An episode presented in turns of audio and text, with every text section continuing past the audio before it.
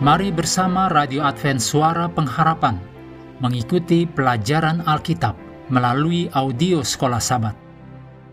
Selanjutnya kita masuk untuk pelajaran kelima periode 22 sampai 28 Oktober. Judulnya Kebangkitan Sebelum Salib. Mari kita mulai dengan doa singkat yang didasarkan dari 1 Petrus 1 ayat 3. Terpujilah Allah dan Bapa Tuhan kita Yesus Kristus, yang karena rahmatnya yang besar telah melahirkan kita kembali oleh kebangkitan Yesus Kristus dari antara orang mati kepada suatu hidup yang penuh pengharapan. Amin.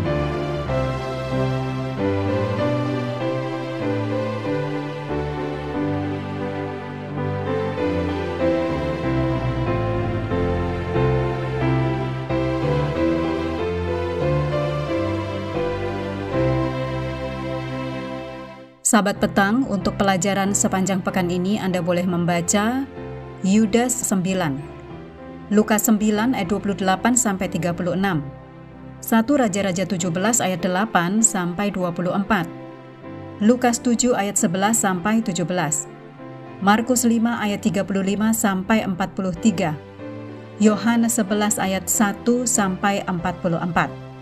Ayat hafalan sepanjang pekan dari Yohanes 11 ayat 25 dan 26. Jawab Yesus, Akulah kebangkitan dan hidup. Barang siapa percaya kepadaku, ia akan hidup walaupun ia sudah mati. Dan setiap orang yang hidup dan yang percaya kepadaku tidak akan mati selama-lamanya.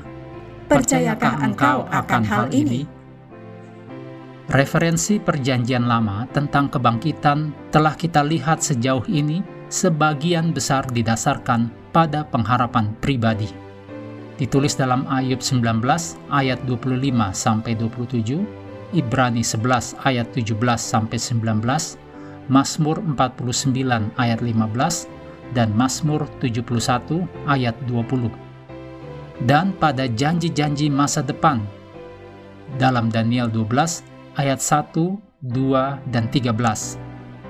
Namun, kita juga memiliki catatan inspirasi dari kasus-kasus di mana orang-orang benar-benar dibangkitkan dari kematian. Kebangkitan pertama adalah Musa, ditulis dalam Yudas 9, Lukas 9 ayat 28 sampai 36. Selama monarki Israel, anak lelaki janda di Sarfat ditulis dalam 1 Raja-Raja 17 ayat 8 sampai 24. Dan anak lelaki perempuan Sunem juga dibangkitkan. Ditulis dalam 2 Raja-Raja 4 ayat 18 sampai 37.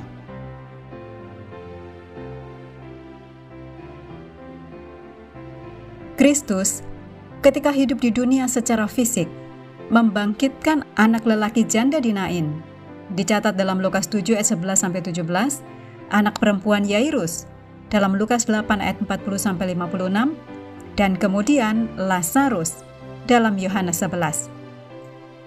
Kecuali Musa, semua orang ini dibangkitkan sebagai manusia yang pada akhirnya akan mati lagi. Kasus-kasus ini juga menegaskan ajaran Alkitabiah bahwa orang mati itu tidak sadar, seperti yang dicatat dalam Ayub 3 ayat 11 sampai 13, Mazmur 115 ayat 17, Mazmur 146 ayat 4, dan Pengkhotbah 9 ayat 5 dan 10. Tidak satupun dari kisah-kisah ini atau dalam narasi kebangkitan Alkitabiah lainnya yang disebutkan tentang pengalaman kehidupan setelah kematian. Pekan ini kita akan merenungkan lebih dalam kebangkitan yang terjadi sebelum kematian dan kebangkitan Kristus sendiri.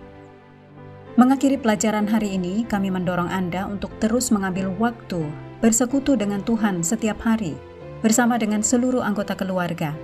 Baik melalui renungan harian, pelajaran sekolah sahabat, juga bacaan Alkitab sedunia percayalah kepada nabi-nabinya, yang untuk hari ini melanjutkan dari 2 Samuel pasal 15.